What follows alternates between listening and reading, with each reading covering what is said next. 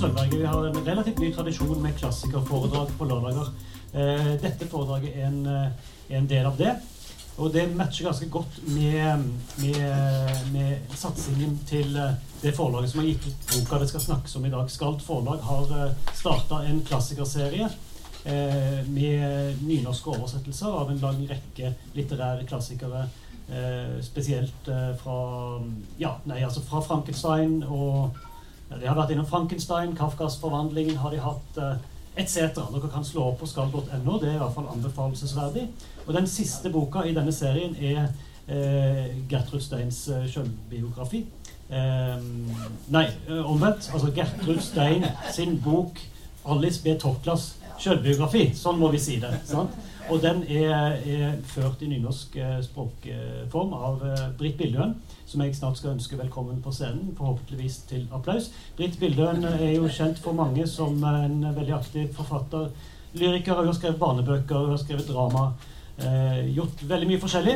Eh, hun eh, kommer ut med en ny egen roman i oktober som heter 'Tre veger til havet'. Men nå skal hun altså snakke om oversettelsen hun har gjort av eh, Gjertrud Steins bok. Vær så god, Britt Billøen.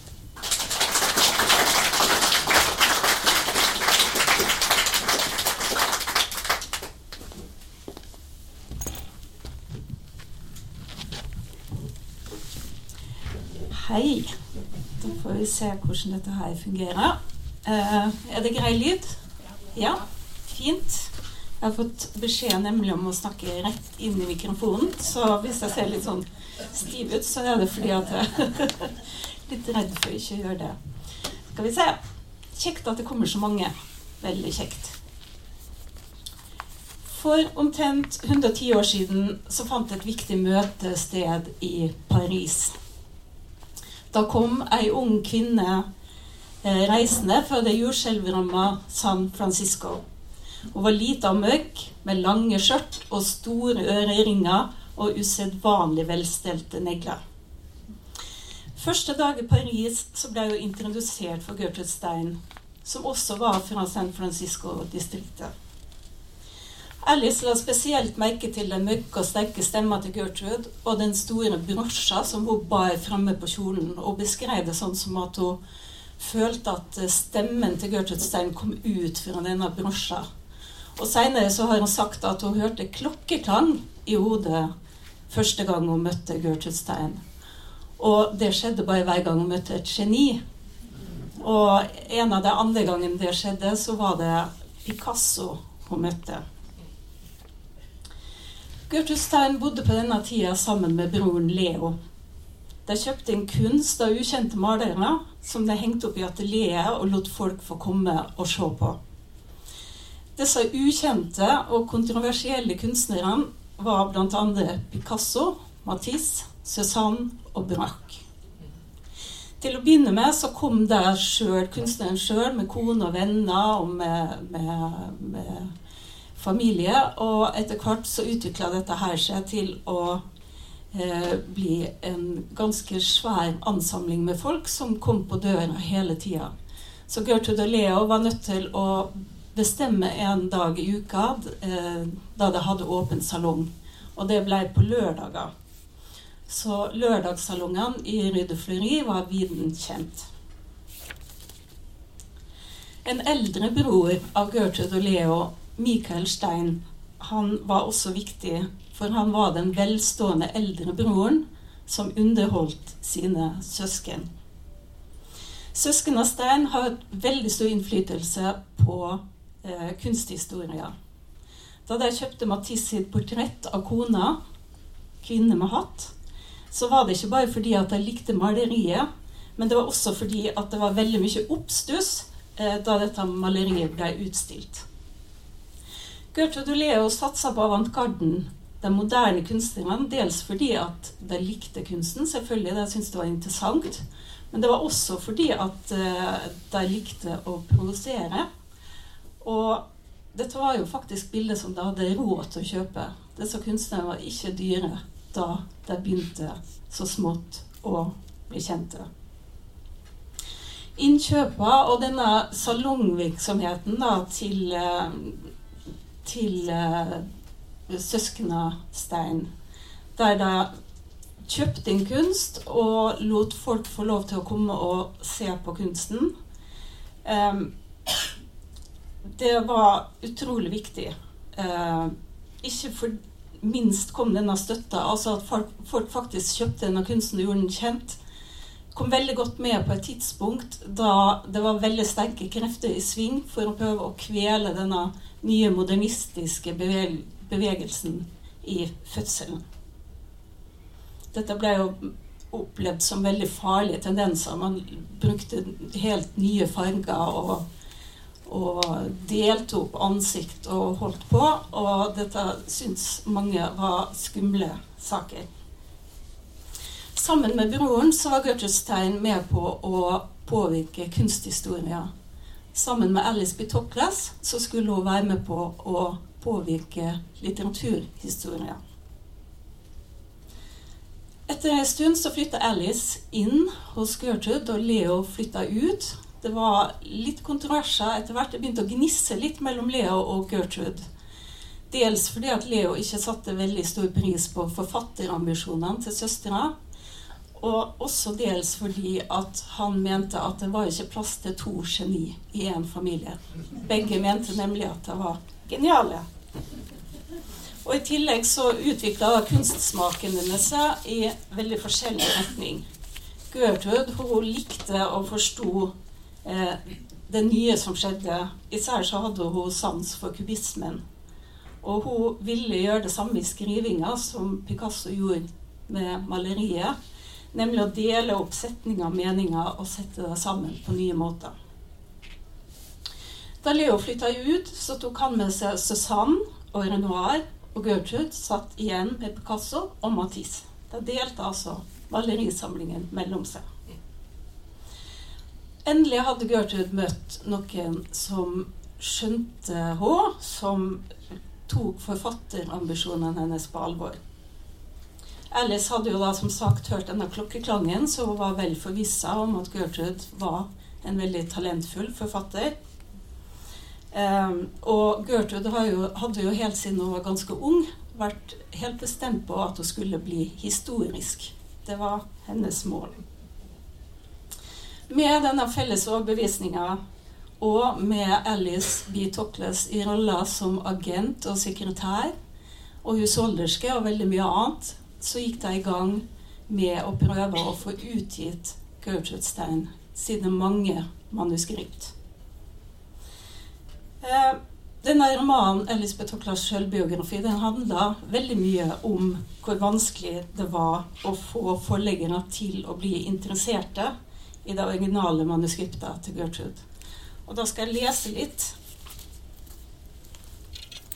fra boka, eh, en liten passus som viser hvordan man reagerte på disse ganske innovative tekstene til Gertrude Stein.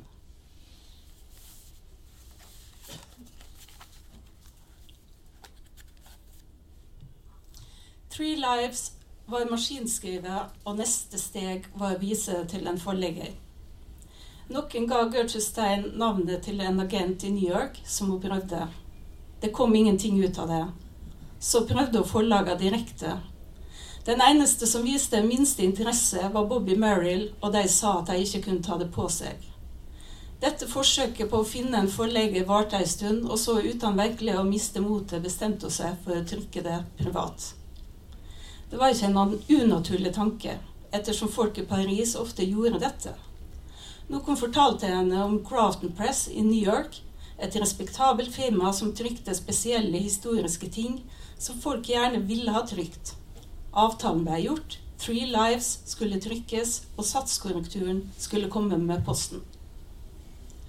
En dag var det noen som banka på døra, og en veldig hyggelig, veldig amerikansk ung mann ba om å få snakke med Miss Stein. og sa ja, kom inn. Han sa det er Grafton Press som har bedt meg om å komme. Ja, sa hun. Du skjønner, sa han med ei lett nøling.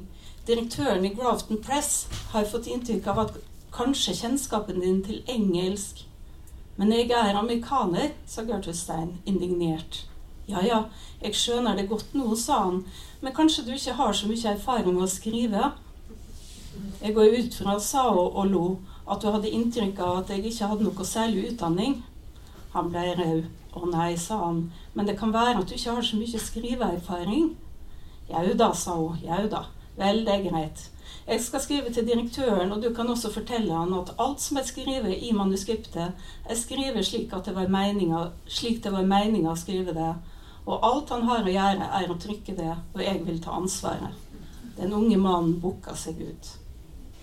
Seinere, når boka ble lagt merke til av interesserte forfattere og pressefolk, skrev direktøren i Grafton Press et svært enkelt brev til Gertrude Stein der han innrømte at han var blitt overraska over merksemda boka hadde fått, men ønsket å legge til at nå da han hadde sett resultatet, ville han få si at han var svært glad for at firmaet hans hadde trykt boka.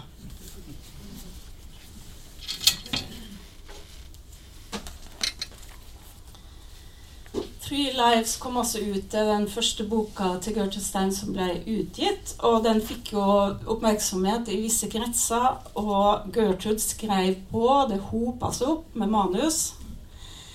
Eh, og i romanen får vi da følge med på opp- og nedturene. Gertrude Stein hadde stor anseelse som kunstkjenner og som muse og som et samlingspunkt for den modernistiske bevegelsen. Og svært mange redaktører var interessert i å gi henne ut. Men det endte ofte med et beklagende brev etter at leiinga i forlaget eller tidsskriftet hadde fått sett på manuset. Det er en skjebnens ironi at nettopp The Autobiography of Alice B. Som da er denne boka her, skulle bli gjennombruddsromanen til Gertrude Stein. For her låner Alice sin stemme og forteller på hennes lette og tørrvittige måte om livet deres sammen på 1910-, 20- og 30-tallet. Dette er en roman som ikke er fullt så eksperimentell i stilen som hun vanligvis var. Den er lettere tilgjengelig og mer direkte fortalt enn mye av det andre som hun har skrevet. Men både det franske og det amerikanske publikummet elsker jo å lese om livet i Paris med berømte kunstnere og forfattere. De samme kunstneren og forfatteren var ikke like begeistra for å lese om seg sjøl. Gertrude skriver nemlig om vennene sine på en svært uærbødig måte. Så selv om Alice Bitoklas selvbiografi skaffa Gertrude Stein den æren og berømmelsen som hun hadde lengta sånn etter, så førte den også til to kriser i livet hennes. For det første så mista mange av vennene sine, som ble ganske fornærma når de hadde lest boka. Um, men det syntes jo verken Gertrude eller Alice var noe særlig krise, for da fikk de mer tid til å jobbe med forfatterskapet til Gertrude. Men suksessen førte også til at Gertrude fikk skrivesperre. Nettopp fordi at den boka som gjorde henne berømt, var en bok der hun ikke skrev som seg sjøl. Jeg skal lese bare akkurat slutten av romanen, som forteller hvordan denne boka her ble til, og som forteller hvorfor det er veldig lett å si at dette er sjølbiografien til Gertrude Stein, selv om den heter sjølbiografien til Alice B. Toklas.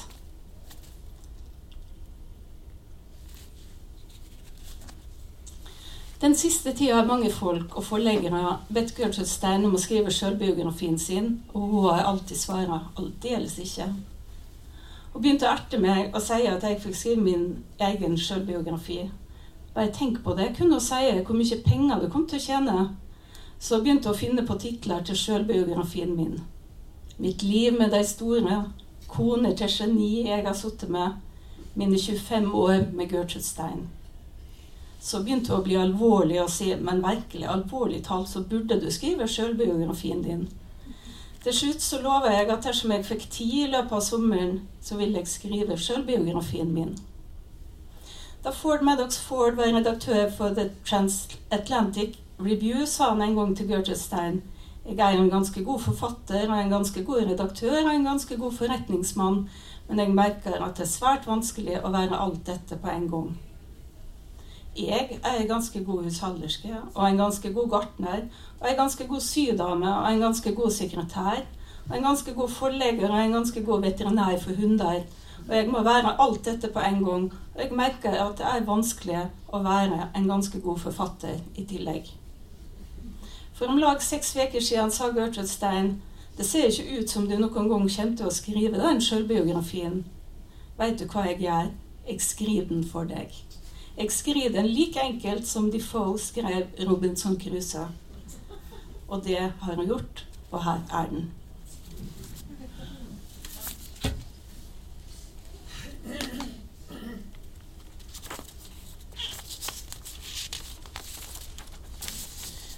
Alice Betoklers biografi er altså skrevet av Gertrude Stein og handler først og fremst om Gertrude Stein.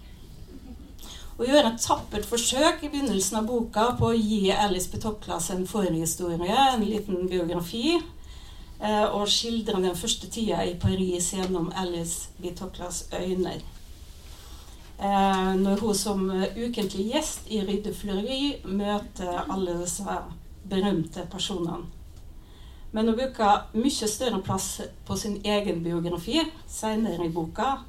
Og Alices blikk dveler hele tida ved Gertrude og siterer hele tida ting som Gertrude sier. Og litt komisk er det også at Alice, altså Gertrude, hele tida omtaler Gertrude Stein med fullt navn, mens alle andre blir omtalt etter å ha liksom sagt det fulle navnet først, så blir folk omtalt med fornavn. Men Gertrude Stein blir omtalt med fullt navn gjennom absolutt hele boka. Eh, så det handler det er Gertrude Stein sier ditt, og Gertrude Stein gjør datt. Og det er kanskje det som skal til for å bli historisk.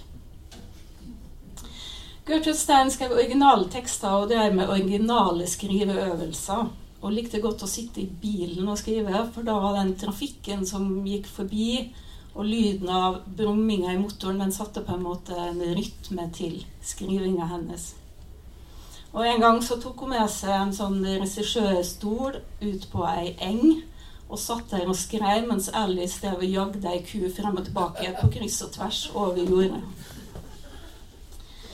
Det er mye bevegelse i tekstene til Gertrude Stein. Det er mye musikk i tekstene hennes. Hun deler setningene opp i likeverdige enheter som hun så kombinerer i abstrakte komposisjoner.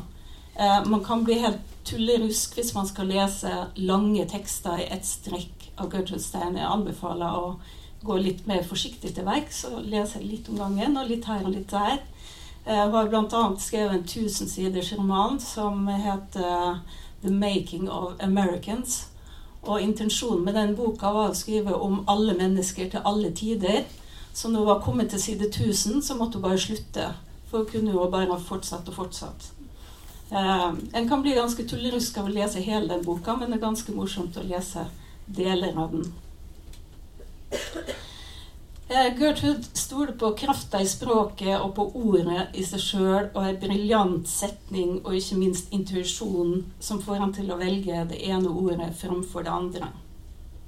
Hun har skildra skrivestilen sin i flere foredrag, og noen av dem er nå endelig kommet ut på norsk under tittelen 'Hva er engelsk litteratur?', som er omsett av Grete Fatima Syed. Hun har en like til måte å snakke om skrivinga si på. Annet så omtaler jeg den teknikken som blir kalla a continuous present, ei vare nåtid, sånn. Vare nåtid er én ting, og det å begynne på nytt og på nytt er en annen ting. De er begge ting, og så er det å bruke allting. Sånn forklarer Gertrude Stein skriveprosessen sin. Og har også sagt om det å være forfatter, eller å være geni, det tar mye tid å være et geni. En må sitte mye rundt omkring og gjøre ingenting. Gertrude Stein hun bruker allting, og bruker det om igjen og om igjen, og elsker gjentakinga. Gjentakinga det er liksom grunnbiten i tekstene hennes. Hun elsker også å gjenta navn. Og det var kanskje det mest frustrerende med å omsette denne romanen her, fordi at det er altså alle name-dropperes mor, må jeg si. Det er så mange kjente og ukjente navn. Folk som går ut og inn i salongen og i livet til Gertrude og Alice. Jeg prøvde ut denne romanen på mor mi, og hun var ikke begeistra. Hun er en habil leser, men det ble for mange navn, syns hun. Eh, det var mange folk rundt Gertrude og Alice, og Gertrude elska å gjenta navnene. Og det er jo mange som ikke er så kjente lenger i dag, for denne romanen den kom ut på 30-tallet. Um, men det er mange nok navn som er ganske kjente. Og for folk som er interessert i hva som skjedde i modernismens barndom, og kjenner en dragning mot kunstnerlivet i Paris, så er dette rene skattkista. Sjøl er jeg veldig glad i å lese om Matisse og kona hans, som Gertrud skiller på en kjærlig, men også ganske uærbødig måte. De var gode venner med Gertrude, men den hun var mest knytta til av alle, det var jo Picasso. De var hjertevenner. Eh, dette var vanskelig, for Picasso og Matisse var jo konkurrenter og ikke hadde et litt sånn fiendtlig forhold. Eh, Gertrude eh, skriver i romanen Matisse og Picasso, som da ble presenterte for hverandre av Gertrude Stein og broren hennes, ble venner, men de var fiender. Nå er de verken venner eller fiender. På den tida var de begge deler. I biografien skriver Gertrude om en av de viktigste kunstkjøpene i historien. Kjøpet av kvinner med hatt, eller eh, femme avec chapeau, le femme avec chapeau, på den første høstutstillinga i Paris. Det jeg tenkte å lese om, det er en av mine favorittsteder i boka her.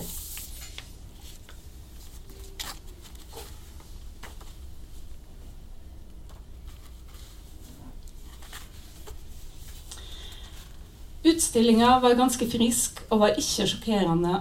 Det var en rekke tiltalende maleri der, men det var en, ett som ikke var tiltalende. Det gjorde publikum rasende. De prøvde å klore av malinga. Gertrude likte det maleriet. Det var et portrett av ei kvinne med et langt ansikt og ei vifte. Det var veldig merkelig i både farger og anatomi. Hun sa at hun ville kjøpe det. Bror henne hadde i mellomtida funnet ei hvitkledd kvinne på en grønn plen, og han ville kjøpe det. Så som vanlig bestemte de seg for å kjøpe to, og de gikk til sekretæren i salongen for å finne prisene. De hadde alle før vært det vesle rommet til sekretæren i en salong, og det var svært spennende. Sekretæren slo prisene i katalogen sin. Gertrud Stein har glemt hvor dyrt det var, og til og med hvem det var av. Den hvite kjolen og hunden i det grønne gresset. Men Matissen kosta 500 franc. Sekretæren forklarte at en selvsagt aldri betalte det kunstneren krevde. En foreslo en pris. De spurte hva pris de skulle foreslå. Han spurte dem hva de var villige til å betale. De sa at de ikke visste. Han foreslo at de skulle tilby 400, og så skulle han la høre fra seg. De aksepterte og gikk. Dagen etter fikk de en melding fra sekretæren om at Museum Matisse hadde nekta å godta tilbudet, og hva ville de gjøre da? De bestemte seg for å gå over til salongen og se på maleriet en gang til. De så gjorde. Folk brølte av latter over maleriet og klorte på det. Gertrude Stein kunne ikke forstå hvorfor, for henne så maleriet helt naturlig ut. Portrettet av Susanne hadde ikke virka naturlig. Det hadde tatt henne litt tid å kjenne at det var naturlig, og hun kunne ikke forstå hvorfor det fikk alle Nei. Det tok henne litt tid å kjenne at det var naturlig, men dette maleriet av Matisse virka fullstendig naturlig, og hun kunne ikke forstå hvorfor det fikk alle til å bli rasende. Broren hennes var ikke like tiltalt, men han var enig likevel, og de kjøpte det. Så gikk hun tilbake for å se på det igjen, og det opprørte henne å se hvordan alle gjorde narr av det. Det bekymra henne og engra henne, for hun forsto ikke hvorfor.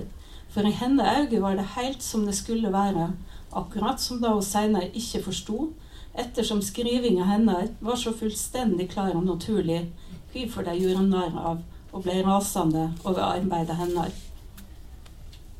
Slik var altså historien om kjøpet av La Femme og Chapeau, slik kjøperne så det. Og nå til historien fra selgerens synsvinkel, fortalt noen måneder senere av monsieur og madame Matisse.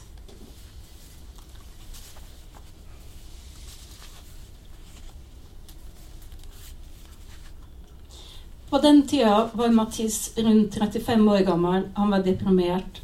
Han hadde gått til salongen på åpningsdagen og hørt hva som ble sagt om måleriet hans, og sett hva de prøvde å gjøre med det, og gikk aldri dit igjen. Kona hans gikk dit alene, han ble hjemme og var ulykkelig. Det var slik madame Matisse brukte å fortelle historier. Så kom det en melding fra salongens sekretær om at det hadde kommet inn et båd på bildet, et båd på 400 franc. Matisse holdt på å måle madame Matisse som ei sigøynerske med en gitar. Denne gitaren hadde allerede ei forhistorie. Madame Matisse var veldig glad i å fortelle den historien. Hun hadde en hel del å gjøre, og hun sto i tillegg modell. Og hun var veldig sunn og søvnig. En dag hun sto modell, og han måla, begynte hun å duppe av, og mens hun duppa, laga gitaren lyd. Slutt, sa Matisse, våkne opp. Hun våkna, han måla, hun duppa av, og gitaren laga lyd. Slutt, sa Mathis, våkne opp. Hun våkna, og så ei lita stund etter duppa hun av igjen, og gitaren laga enda mer lyd. Rasende greip Mathis gitaren og knuste den. Og la madame Mathis angerfullt til. Vi hadde det svært trangt da, og vi måtte få den reparert slik at han kunne komme videre med måleriet. Hun holdt denne samme reparerte gitaren og poserte da meldinga fra sekretæren på Haustsalongen kom. Matisse var glad. Klart jeg slår til, sa Matisse. Nei da, sa madame Matisse. Dersom disse folka er interesserte nok til å legge ned et båt, så er de interessert nok til å betale den prisen du har bedt om. Og, la hun til, skilnaden betyr nye vinterklær til Margot. Matisse nølte, men let seg til slutt overtyde, og det sendte en melding der det sto at han ville ha den prisen. Ingenting skjedde, og Matisse var i en forferdelig tilstand og svært bebreidende, og så etter en dag eller to, da madame Matisse nok en gang poserte med gitaren, og Matisse måla, kom Margot til deg med et lite blått telegram. Matisse åpna det, og han skar en grimase. Madame Matisse ble vidskremt og tenkte det verste. Gitaren fall. Hva er det, sa hun. Det har jeg kjøpt det, sa han. Hvorfor ser du da grimaser og smerte og skremmer meg slik at jeg kanskje har ødelagt gitaren, sa hun. Jeg blunka til deg, sa han, for å fortelle deg det, fordi jeg var så rørt at jeg ikke klarte å snakke.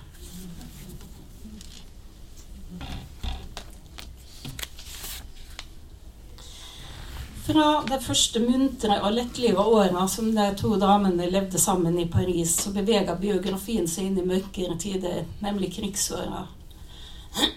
De to er i England da første verdenskrig bryter ut, og sitter med hjertet i halsen og hører om framrykkinga mot Paris. Og store gleder da er å vite at tyskerne er på retrett, og Paris fremdeles er fri. De reiser tilbake til Paris og kommer etter hvert i kontakt med det amerikanske hjelpefondet for franske såra. De vil gjøre tjeneste og spør om hva som skal til, og forsvare at de trenger en bil. Dermed så bestiller Gertrude en T-Ford fra Amerika. Og etter en stund så kommer bilen over havet og blir satt sammen, og Gertrude lærer seg å kjøre, og så begynner hun og Alice å gjøre krigstjeneste. Og denne tjenesten går jo ut på å kjøre medisinsk utstyr til sykestuene ved fronten, og iblant også såra soldater. I den boka som faktisk er skrevet av Alice Bitoklas, nemlig Alice Bitoklas kokebok, for den har hun nemlig skrevet sjøl mange, mange, mange år etter at Gertrude døde. Eh, og det er veldig mange som forveksler den med Gertrude Stein sin biografi. I denne kokeboka så skiller Alice hvordan de hadde med seg Michelin-guiden rundt på disse oppdragene, sånn at de kunne prøve ut de gode restaurantene som de fant på veien. De var alltid på jakt etter nye og spennende matopplevelser. Den beste kaka, de fineste plassene, de vakreste villblomstene. Gertrude og Alice var livsnytere og fikk det beste ut av hver situasjon.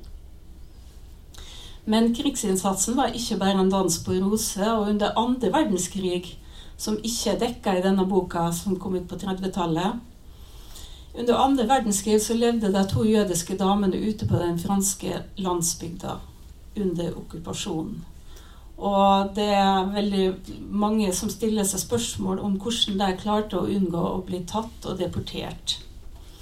Eh, og hvordan kunstsamlinga i Paris-leiligheta faktisk var ganske intakt etter at krigen var slutt. Et svar på dette er at Gertrude Ellis hadde venner i det politiske systemet, og at hun åpent støtta Vichy-regimet, som altså gikk ut på å la tyskerne ta over halve Frankrike, og dermed da eh, ble betrakta som en form for kapitulasjon. Det rår en viss forvirring rundt Gertrude sine politiske sympatier. Hun hadde noen fascistiske synspunkt, men var svært patriotisk på vegne av både Frankrike og USA. Og etter krigen så ble hun maskot for de amerikanske soldatene i Frankrike. Uh, og det var jo Og de litterære salongene uh, eh, utvikla seg til å bli med soldatsalonger uh, frem til hun døde et år etter at krigen var slutt. Jeg har prøvd å grave litt til dette, særlig fordi at Kjartan Fløgstad påstår at uh, Gertrude Stein er en fascist. Og det sies også noe om at hun har skrevet en nekrolog over Hitler. Den har jeg ikke klart å finne, men jeg vet at hun en gang ble fraråda før krigen å trykke en artikkel om Hitler. Det var det gode venner som stoppa opp på veien.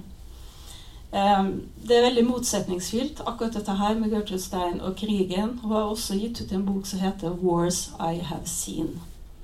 Uh, jeg enda sjøl alltid opp med en oppfatning om at den ellers svært intelligente Gertrude Stein var politisk ganske usmart. Etter første verdenskrig så var Paris helt forandra, og det skriver Gertrude om i denne boka her. Den gamle gjengen var splitta opp, noen flytta, andre var døde eller syke. Gertrude og Alice holdt fremdeles kontakten med de kunstnerne som fremdeles var i live eller i Paris, men sakte, men sikkert så endra denne kunstnersalongen seg til å bli en litterær salong.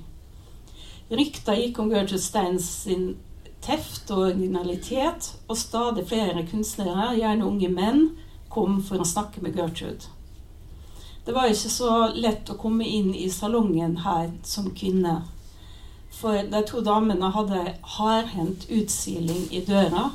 For mens mennene fikk komme inn i atelieret og snakke med Gertrude om kunst og litteratur, så ble kvinnene, uansett om det var forfattere eller bare kunstnerhustruer, geleida ut på kjøkkenet, der de måtte sitte og snakke med Alice om matoppskrifter og litt mer huslige sysler.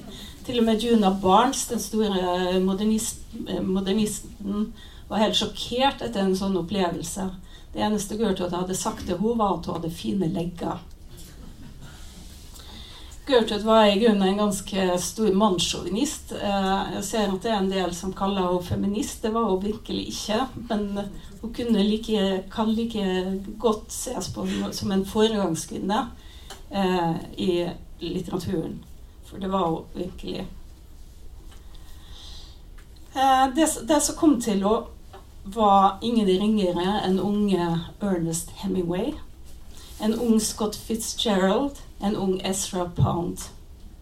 De diskuterte litteratur, hun ga dem råd, og noe bittert måtte hun konstatere at alle de unge mennene som hun ga råd til, fikk gitt ut bøkene sine og blei berømte. Men som fremdeles sliter med å få en forlegger interessert, eh, så så hun at Hemingway plutselig var liksom en av de store forfatterne.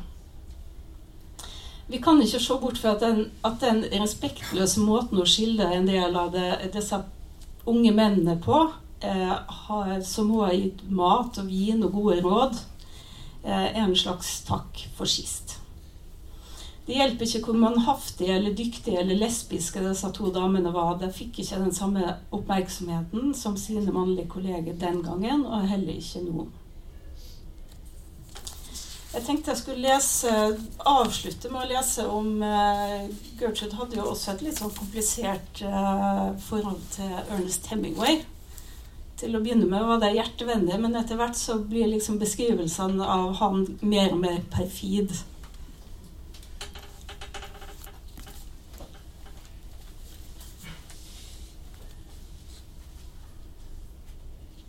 Skal vi se hvor mye tid vi har igjen. Jo, vi har litt tid igjen.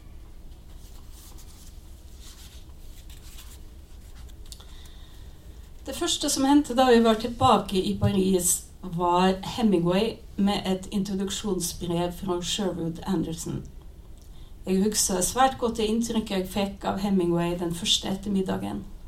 Han var en ualminnelig kjekk ung mann, 23 år gammel. Det var ikke lenge etter dette at alle var 26. Det ble den perioden da en var 26. De neste to til tre åra var alle unge menn 26 år gamle. Det var tydeligvis den rette alderen der og da. Det fantes en eller to under 20, f.eks. George Lines, men de talte ikke som Gertrude Stein var nøye med å forklare for dem. Var de unge menn, så var de 26. Seinere, mye seinere, var de 21 eller 22. Så Hemingway var 23, så ganske utenlandsk ut, men lidenskapelige interesserte snarere enn interessante øyne. Han satt framfor Gertrude Stein og lytta og så. De snakka da og mer og mer, mye med hverandre. Han ba henne komme hjem til han en kveld og se på arbeidet hans. Hemingway hadde da, og har alltid hatt, et svært sikkert instinkt for å finne leiligheter på merkelige, men hyggelige steder gode menage og god mat.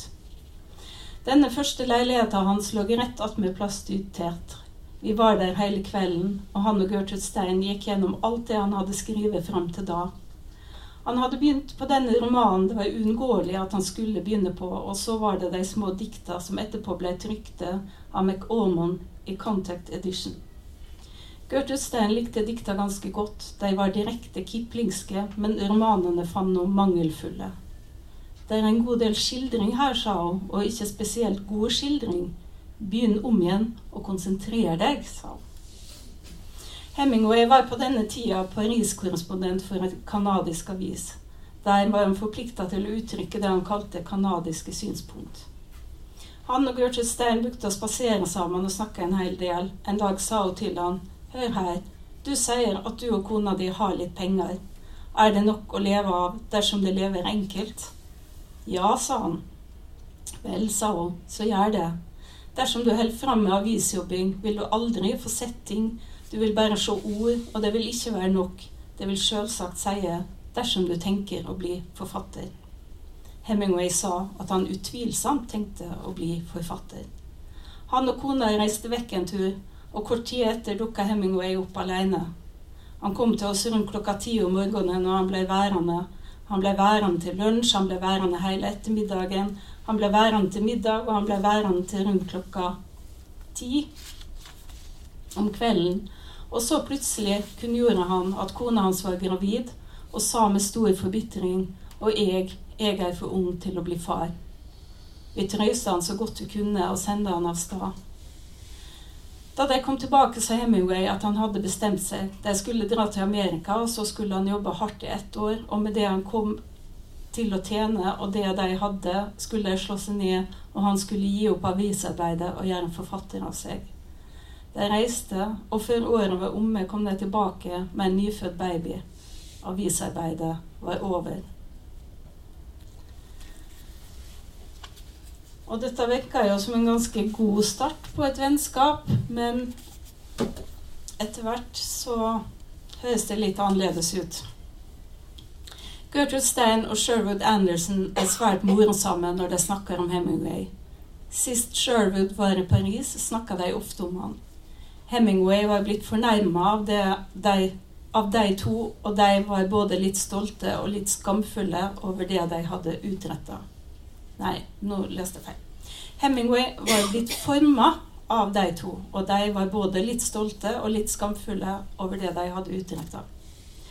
Hemingway hadde på et tidspunkt, da han hadde tatt avstand fra Sherwood Anderson og alt han hadde skrevet, sendt han et brev på vegne av den amerikanske litteraturen som han, Hemingway, sammen med sine samtidige skulle redde der han fortalte Sherwood akkurat hva han, Hemingway, mente om bøkene til Sherwood, og disse synspunktene var slett ikke, ikke smigrende.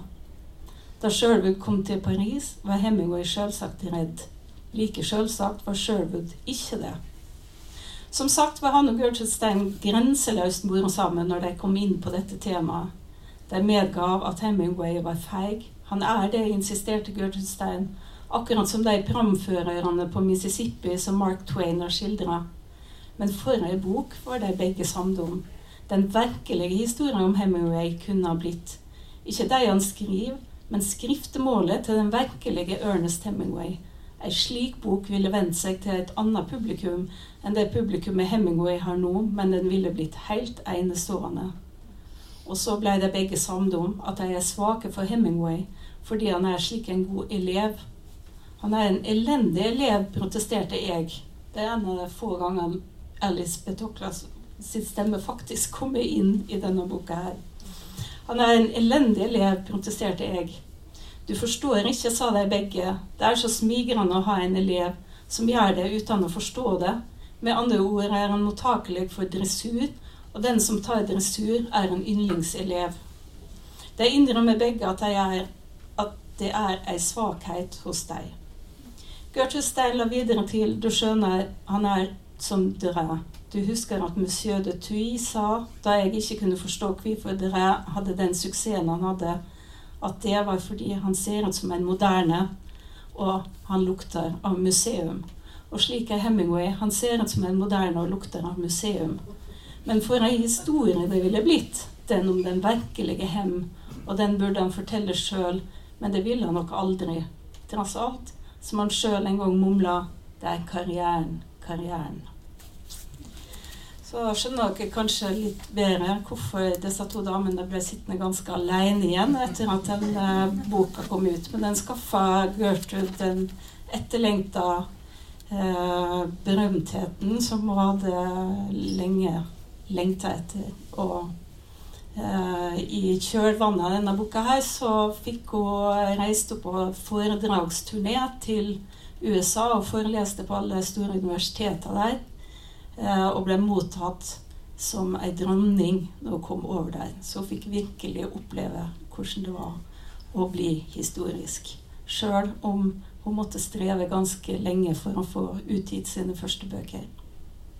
Tusen takk for at dere kom og hørte på. Dere kan gjerne stille noen spørsmål hvis det er, hvis det er noen som sitter og brenner inne med noe eller lurer på et eller annet.